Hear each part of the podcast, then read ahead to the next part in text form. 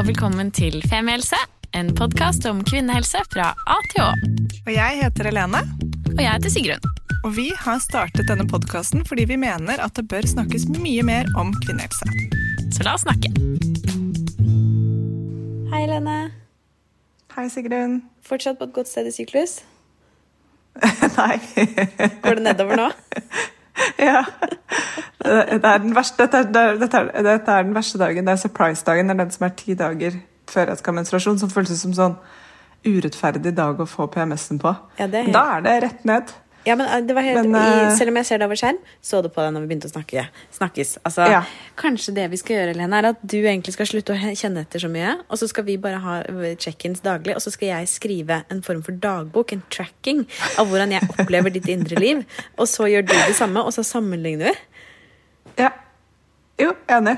Og det er veldig gøy, fordi det, samme, vi spiller inn samme uke som vi har sluppet en episode om PMS og PMDD. og Sigrun slapp til og med en, en liten sånn eh, la, Du la ut en, til og med en liten post på eh, Instagram som var sånn Det var raust av meg. Hvis, eh, ja, du var skikkelig flink eh, til å gjøre ting på Instagram. Um, hvor du skrev sånn der Det som er frustrerende for kvinnene Eller det var et sitat fra Nina Wilhelmsen. Og Det som er frustrerende for disse kvinnene, er vanskelig å vite om det er hormoner eller ikke. Og mens jeg liksom ser på den, så går jeg og tenker sånn Ok, så Costa Rica januar, februar, mars Men jeg, jeg bestiller enveisbillett, og jeg kommer ikke tilbake. Jeg kommer ikke til å snakke med noen når jeg er der nede. Jeg kommer ikke til å ta telefonen hvis noen ringer meg. Jeg skal ikke si egentlig til noen at jeg reiser. Jeg skal, jeg skal bare dra. Og det er det som er så sjukt med dette her, er at selv om jeg vet at det er det det er, så er jeg helt overbevist om at denne gangen, denne måneden, så er det ikke det det er. Det er noe annet. Men det som er interessant, Helene, kanskje mest av alt, er jo at du vender tilbake til Costa Rica hver måned. Uh, så jeg tenker Ja. jo det må være et eller annet der uh, Kanskje du har behov for en tur til Costa Rica for å sjekke av et eller annet i ditt indre liv? Mm. Eller kanskje jeg er sånn som må bo annenhver, altså sånn to uker av måneden i Costa Rica. Ja, det kan hende. Ja, Rett og slett sånn til, spesialtilpasset arbeidsplass. Ja. Ja. Eller bare at du da må gå ned til en 50 stilling. Ja, det er greit, det Ja. òg. Det er billigere, billigere å bo i Costa Rica enn Norge. Leve, levekostnadene er lave. Ok, Neida, Men du, vi skal eh, komme oss gjennom dette sammen. eh, Så hvis dere hører at det. Helene liksom sakte svinner hen i løpet av episoden, tanker. så vet dere Ja. hvorfor. Ny kognitiv metode er hver gang jeg nå har PMS. Er sånn, jeg er fri, jeg har ikke PMS. Det er en god dag. Det er en god dag. Sånn sier jeg til meg selv. Og sånn sier jeg hater alle, jeg hater alle. Og så må jeg tilbake igjen til nei, det er en god dag. Det er en god dag. Et litt simpel, splittet eh, indre motivasjon der. 100 Mm. Sånn er livet. Ja, Det var uh, ukens Ja. spalte. Helenes syke. Vær så god.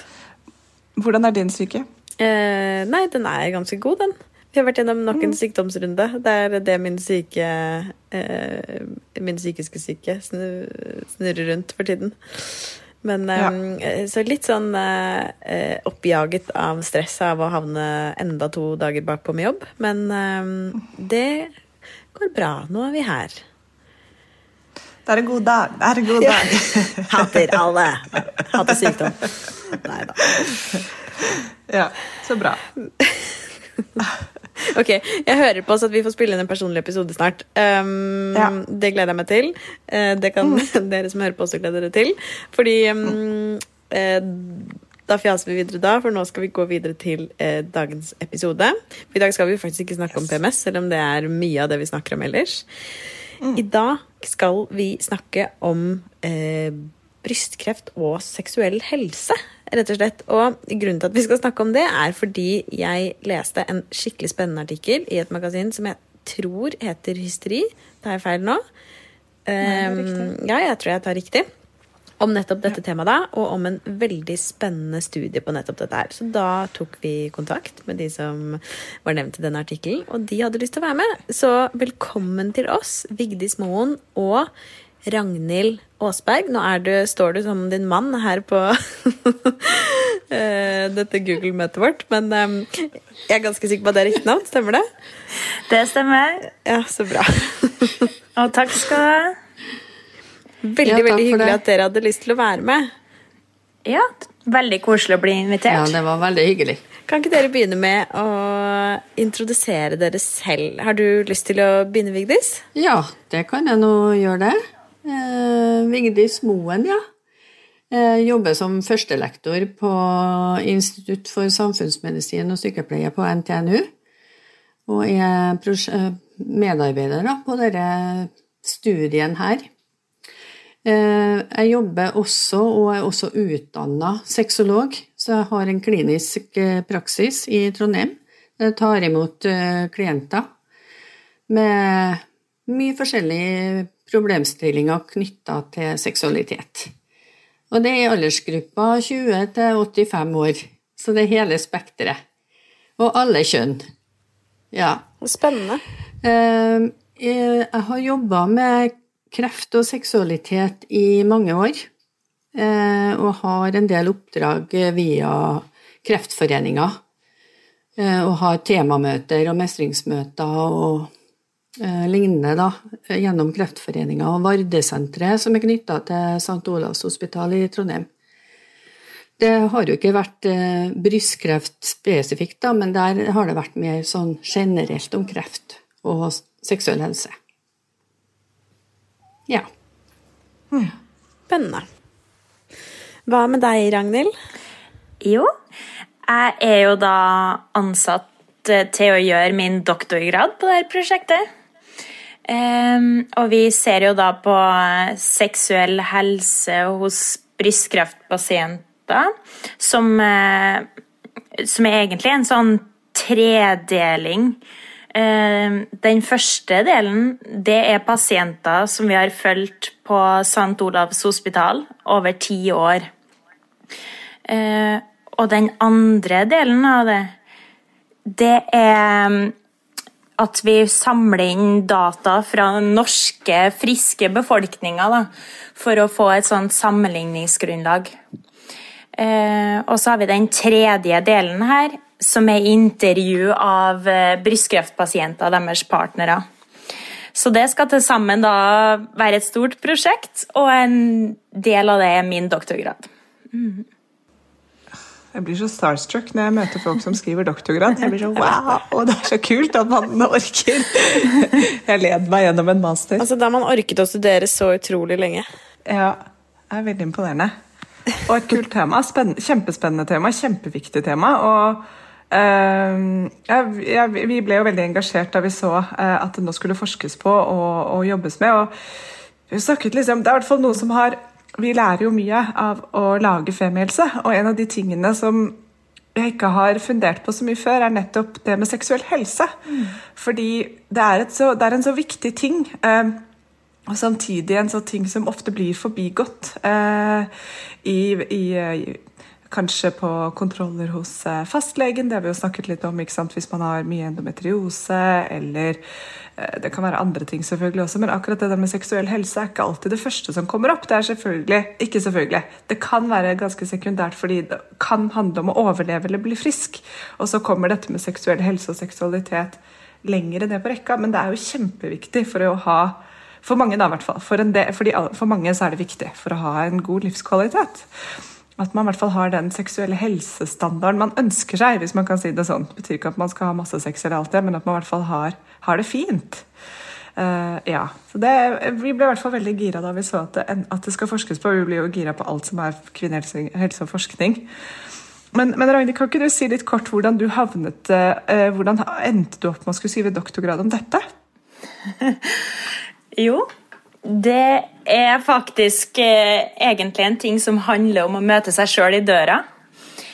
Fordi jeg er jo opprinnelig utdanna sykepleier. Og eh, jeg har jo selv stått i situasjoner der jeg må snakke med pasienter om det med sex og seksualitet. Og som ung sykepleier syns jeg det her var veldig vanskelig. Jeg syns det var ubehagelig, rett og slett. Um, så når jeg så denne utlysninga på den doktorgraden, så tenkte jeg det der skal jeg ikke skrive om. For jeg ville jo ikke bli assosiert med en sånn der raring eller Som handla om alle mine fordommer, ikke sant? Uh, og så endte det faktisk med at det modnet seg litt hos meg. Uh, og begynte å tenke det at hvorfor ville ikke jeg egentlig skrive om dette her? Um, og det endte med at jeg søkte på det, og så tenkte jeg nå skal jeg utfordre meg sjøl. Og det har jo bare endt med å bli en kjempegod opplevelse. Så jeg har veldig stor forståelse hvorfor folk syns at det er ubehagelig tema. Og i hvert fall det å snakke med en helt fremmed i helsesystemet om noe så personlig. Eh, og jeg har òg stor forståelse for at helsepersonell kan eh, vegre seg for å ta det opp. Mm. Mm. Jeg tenker vi skal komme litt mer seg... tilbake til ja, det. det.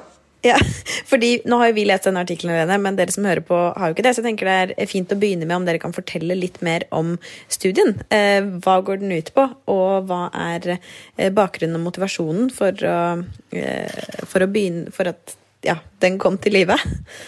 Ja. Um, skal jeg ta det, Vigdis? Ja, du kan ja. i hvert fall starte opp, så kan jeg nå heller supplere hvis jeg kommer på noe. Ja, ja, ikke sant? Mm. Jo, altså sånn Brystkreft generelt er jo faktisk en av den vanligste krefttypen hos kvinner i hele verden.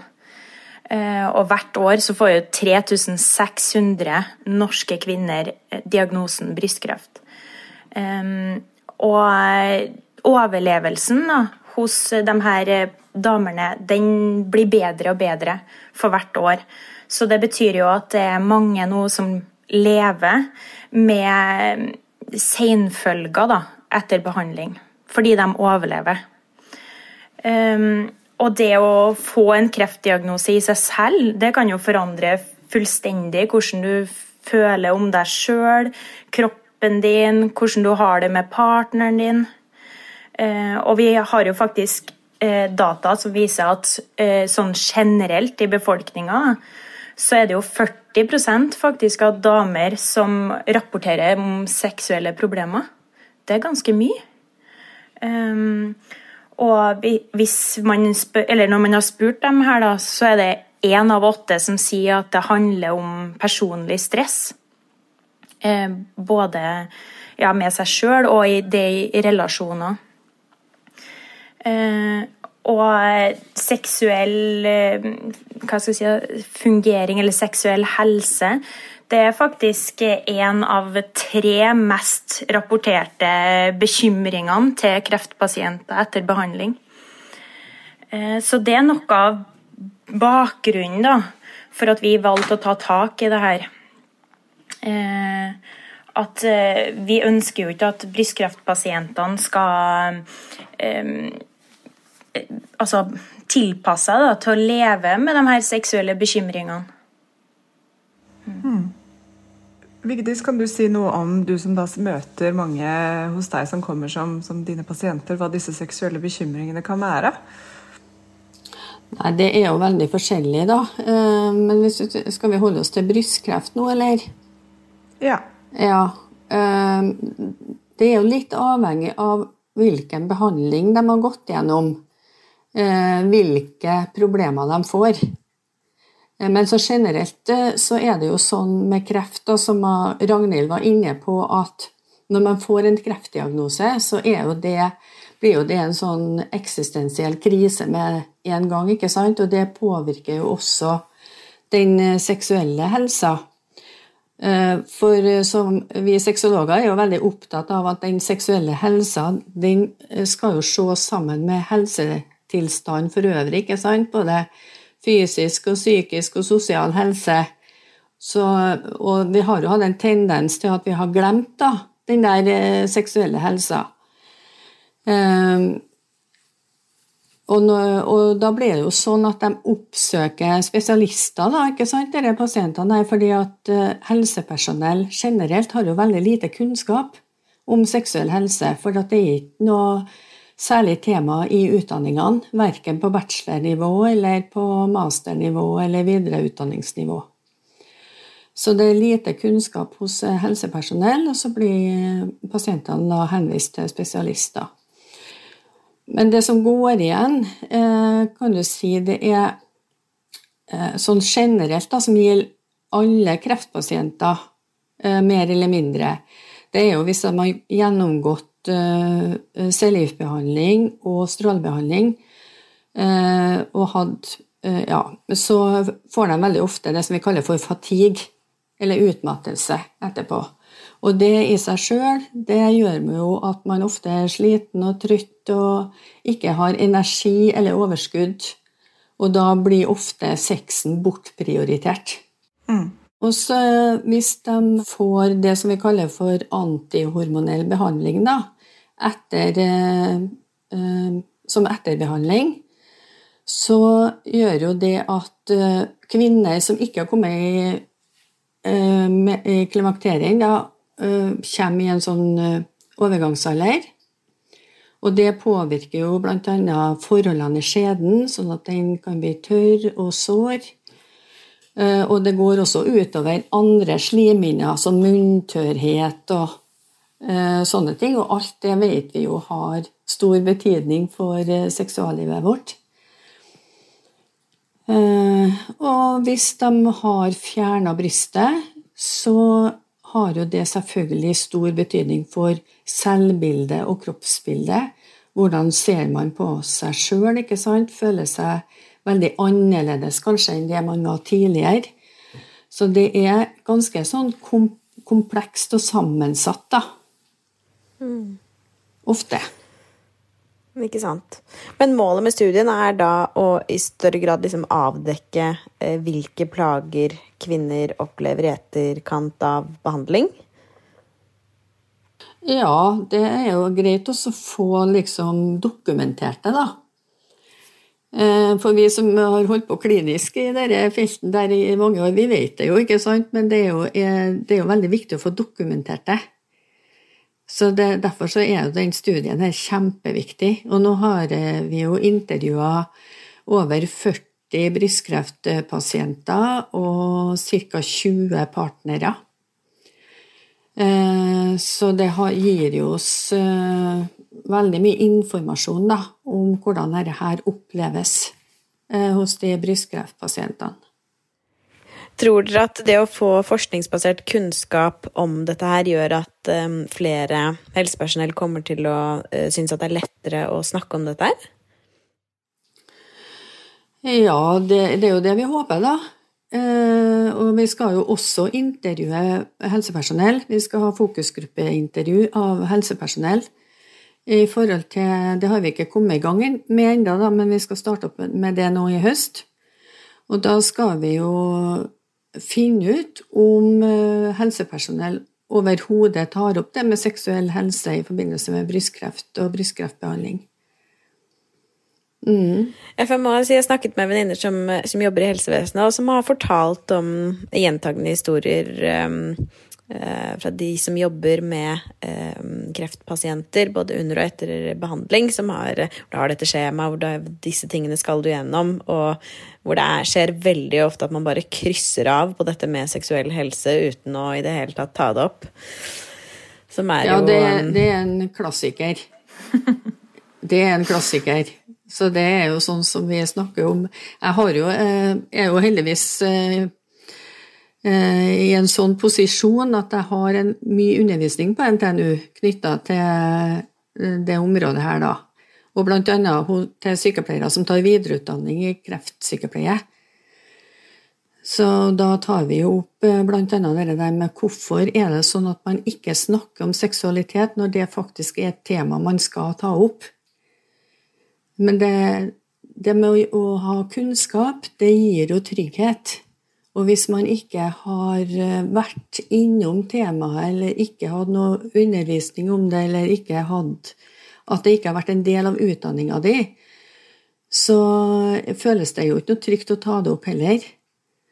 Så vi håper jo det at uh, denne studien her kan være med på å generere både at det kan bli obligatorisk emne i helsefaglige utdanninger, og at det kan bli mer sånn rutine da, på de ulike avdelingene til å ta opp det med seksuell helse i forbindelse med kreftbehandling og brystkreftbehandling. da. Fordi, Ragnhild, du sa i sted at du kjente deg litt igjen i å være eh, en som vegret seg før, i hvert fall for å, å, snakke om det. Hvorfor er det sånn? Er det, altså, Er man vant til å få litt sånn kleine svar, eller er det fordi man ikke vet hva man skal si hvis noen sier sånn Ja, nei, det er sant, jeg har ikke ligget på tre år. Altså sånn hva, hva, er bakgrunnen for det? Altså, jeg skjønner jo overordnet at det, er, det kan være um, inngripende, eller føles veldig som at man går inn i noens privatliv, men for deg som har jobbet med det? Altså For min del tror jeg noe handler om modning. Når du er ferdigutdanna sykepleier som 23-åring, og så syns du at det her kanskje i utgangspunktet er litt sånn uh, ubehagelig tema, så, så føles det kanskje ikke helt naturlig å ta det opp heller. Eh, og når vi ikke hadde noe om det på eller noe særlig da, i hvert fall på utdanninga, så vet du jo på en måte ikke helt hva du skal svare heller. Annet enn hva du ville ha sagt til venninna di, eller ja. ja. Da føler ikke man at det blir liksom noe sånn kunnskapsbasert svar da, som pasientene fortjener å få. Da blir det sånn Å, det er synd på deg, jeg kan henvise deg videre, liksom. For det er et veldig godt poeng. Hvis man ikke har noe sånn Eh, et konkrete noe tips og triks eller råd eller noe å gi, så er det jo på en måte bare en Ok, det kan være fint å bli spurt fordi man føler seg sett og hørt, men jeg skjønner jo veldig godt at det er fint å ha. fordi Er det noe dere ønsker da at skal komme ut av denne studien også en mulighet til å gi konkrete liksom, handlings... En, en plan for, for, helsepersonell? Det er jo lov å håpe, i hvert fall. Jeg tenker at en del av det vi gjør nå, det er å samle inn egentlig data på norske, friske eh, damer og menn. Og det gir oss et bedre grunnlag da, for å se hva er det egentlig som skiller de her to gruppene. Hvor er det på en måte brystkreftpasient scorer dårligere? Og hvis vi vet at det her er noe annet enn normalvariasjon i befolkninga, så er det jo på en måte en helt konkret del av det med kreftbehandling. Da. At det burde være en del av oppfølginga. Og det i det hele tatt å ha et sånt prosjekt gjør jo at eh, det blir satt på dagsorden. Og folk blir oppmerksom på det. Og, og dem som føler seg trygge nok, husker å ta opp det med pasientene sine. Er det mange pasienter som tar det opp selv? Ja, altså det er jo selvfølgelig Nå må ta utgangspunkt i de ca. 40 som jeg har snakka med, da, så eh, sier jo dem at de, det var et ikke-tema i behandlingssammenheng. Eh, men det var jo noen som eh, tok opp det sjøl, men det var ikke så veldig mange. Og noen fikk bare utlevert en brosjyre som de fikk med seg hjem og skulle eh, se på sjøl. Men det er ikke sånn vet du, at pasienter som kjenner på ting, eh, spontant tar opp sine problemer knytta til seksualitet. Eh, fordi at når du er i en sånn eh, situasjon at du har fått en kreftdiagnose, så kan jo det føles eh, veldig vanskelig. Noen føler jo skam og skyldfølelse og whatever ikke sant, for å i det hele tatt ha fått kreft, for det er så mange irrasjonelle tanker som kommer inn da. Og hvis de da i hele tatt eh, tenker på at uh, sexlivet blir berørt, eller at det er noe ødelagt, eller at uh, det er bare vondt og ekkelt alt sammen, så kan det også ligge litt skam i det. ikke sant? At de tør ikke å ta opp det, for de føler at det er, ikke er så viktig som selve kreftdiagnosen, hvis dere skjønner hva jeg mener. Mm. Så det er en del sånne irrasjonelle tanker som eh, kommer, altså. Ja. Så, men eh, de fleste, eller ja, de fleste, jeg må jo si det, ønsker jo at det kunne ha blitt tatt opp da, av helsepersonell under behandlinga. Ja. Og du som da er eh, sexolog, Vigdis, har du noen sånne så jeg skjønner jo at dette er et un, eh, sikkert veldig sånn uh, unike behandlingsopplegg for hver enkelt, men er det noe du pleier å, å starte med? Eller hvis du skulle gitt noen tips til liksom, helsepersonell, hva sier man? Hva, hvordan, hvordan, har man en samtale om dette? Ja, Du må jo først finne ut uh, hvor, uh, hva er det som er problemet. Ikke mm. sant? For hvis det er sånn fysiske ting, som smertefull skjede f.eks., og tørr skjede og sånn, så kan du jo gi konkrete råd knytta til det. Og da gir jeg jo det rådet da om at det er jo viktig å opprettholde forholdene i skjeden. Eh, for hvis at du ja, bare lar den være og ikke bruker den på noe, på noe slags sett og vis, så, så blir det i hvert fall ikke noe bedre. Så det som jeg anbefaler, enten de er i et parforhold med en som har penis eller ikke, så er det at de skaffer seg eh, en god jordnøttolje på apoteket. Eh, og så kan de skaffe seg et dilatorsett og så er det viktig å informere om at eh, som kreftpasient så har du krav på å få dekt seksualtekniske hjelpemidler eh, via Nav, så de slipper å legge ut det sjøl. Og så skal de da bruke den, eh, de dilatorene, da, for det er et sånt sett med forskjellige størrelser på. Og så må de ta den størrelsen som de syns er best sjøl, ikke sant. De kan jo begynne med det minste, og så kan de bare øke på litt i størrelse. Den største er jo på en sånn vanlig penisstørrelse, da. Og så skal de sørge for å smøre skjeden godt og den dilatoren godt med jordnøtteolje, og stimulere eh, slimhinnene i skjeden en fem-ti minutter hver dag. For det som da skjer, det er at du stimulerer blodsirkulasjonen i skjedeveggen, og da blir slimhinna etter en stund mer robust og tåler mer. Så det er jo sånn veldig sånn konkret råd som de kan få, da. For dem som sliter med det.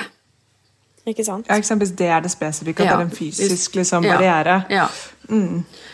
Mens hvis det er andre ting, da, så Altså, det er jo viktig å vite litt hvordan parforholdet er òg, da hvis de er i et parforhold, ikke sant? Eh, og hvordan har det vært tidligere? For at uh, alt har jo betydning. Så det er jo Ofte så er det jo sånn at man har flere samtaler for å finne ut av ting og legge noen plan for hvordan man kan uh, løse opp i denne problematikken, da.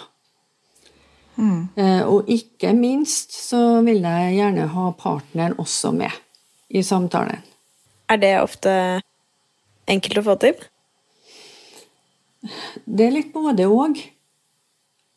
Det er det, men eh, når først den ene kommer For ofte så er det jo sånn at den ene kommer først. Da bestiller seg time og kommer til samtale, sant. Og så er det nå litt sånn frem og tilbake, og de vil jo gjerne ikke at partneren skal involveres, og det kan være litt sånn forskjellig, men etter hvert så går det som regel veldig bra, det, altså. Hvis at det er et forhold å bygge på. Ikke sant. Mm. Mm. Ja. Mm. For det er jo viktig at eh, partneren også er involvert, og det har jeg jo også vært opptatt av i det her eh, jobben via Kreftforeninga. Eh, at man ikke glemmer partnerne. For de har, har også sin sårbarhet ikke sant? Og sin sorg for at eh, kjæresten har fått brystkreft. da. Mm. Så det er kjempeviktig å, å involvere partnerne, altså. Mm. Absolutt. Det, det, skjønner jeg at det er veldig viktig. Altså, det er jo veldig komplekst, dette her. Og mm, det høres ut som det er et veldig behov for en personlig oppfølging, og noe som er en er en integrert del av et behandlingsforløp. Sikkert både under behandling og også etter. Eh, og at man både får informasjon om hva det er som kan skje, og hvis det skjer, får, får hjelpen da, til å takle det. Det, si, det er veldig veldig spennende. Jeg gleder meg veldig til å høre hva, hva dere finner ut av eh, når studien er ferdig. Når er det dere ser for dere å ha resultatene klare? Ja, det kommer litt an på hvilken av delene. Men eh, noen av de første resultatene foreligger allerede nå, og skal forhåpentligvis ut i et medisinsk tidsskrift nå i høst. Eh, og denne studien som vi sender ut til den norske befolkninga, den eh, blir sendt ut til 16 000 nordmenn i disse dager. Så hvis det er noen som får en SMS eh, eller mail eller påminnelse fra Helse-Norge om å delta, så er det bare å bidra. yes. yes. Nei, og så har vi den her eh, tredje delen av prosjektet som går på intervju med brystkreftpasienter og partnere. Og der skal vi jo ha inn friske par eller single og intervjue. Så eh, det skal vi starte opp med i løpet av eh, de neste eh, ukene. Så hvis det er noen ute der som kan tenke seg å la seg intervjue, enten sammen med partner eller alene, så gjerne gå inn på nettsida vår på seksuell helse til brystkreft ved NTNU og meld dere på. Vi skal legge et link til det, vi. Ja. Du, det kommer det sånn påmelding fra Sigrun på Stenseth. Helene. I hvert fall to stykker som har meldt seg opp. Ja, det er kjempebra. Nei, men det er faktisk et kjempeviktig bidrag til kreftsaken. Er det. Og så er det jo mange andre ting vi kan bruke her til etterpå. Eh, Det å generelt vite hvordan seksuell helse er blant nordmenn, er jo spennende. Jeg lurer på det sjøl, jeg. Jeg er veldig spent på hva folk svarer. Ja, enig. Virkelig. Altså det med folkehelse er jo veldig sånn inn i tida nå, da, ikke sant? Men eh, jeg ser jo det at seksuell helse ofte blir glemt i den sammenhengen der også. Så det er ikke så mange som tenker på det at eh, seksuell helse er en del, viktig del av folkehelsa. For eh, alle. Nei, det er veldig sant. Vi prøver jo å si det så ofte vi kan. Både si seksuell helse, men også at vi elsker ordet seksuell helse. For Ja. det er en veldig fin måte å snakke om det på. Og spesielt kanskje kvinners seksuelle helse. da. Kvinners seksualitet er jo veldig underkommunisert.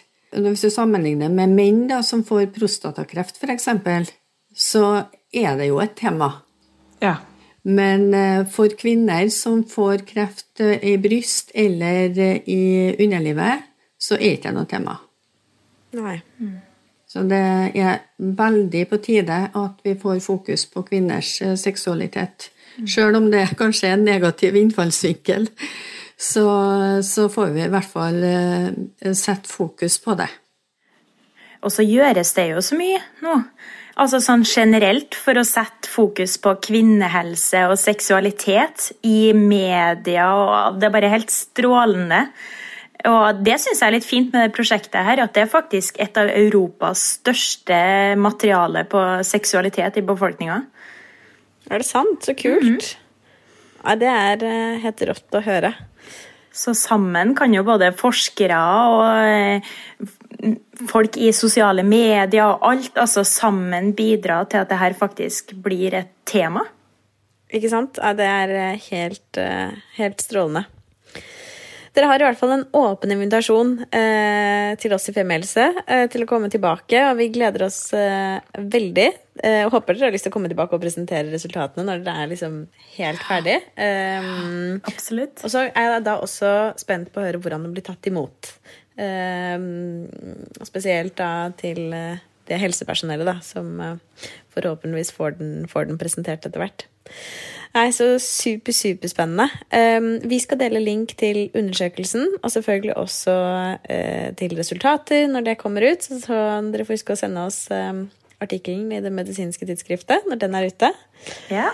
Og så har jeg lyst til å igjen si tusen, tusen takk for at dere hadde lyst til å komme hit og fortelle oss om studien. Kjempespennende. Vi heier på dere. Dere gjør en skikkelig, skikkelig viktig jobb. Tusen Så hjertelig må jeg bare nevne, nevne på slutten her at vi også må sende en eh, shout-out til eh, Randi Johansen Reidunsdatter, som også er med på dette prosjektet, og egentlig var den som først svarte på mailen vår, men kunne ikke være med akkurat i dag.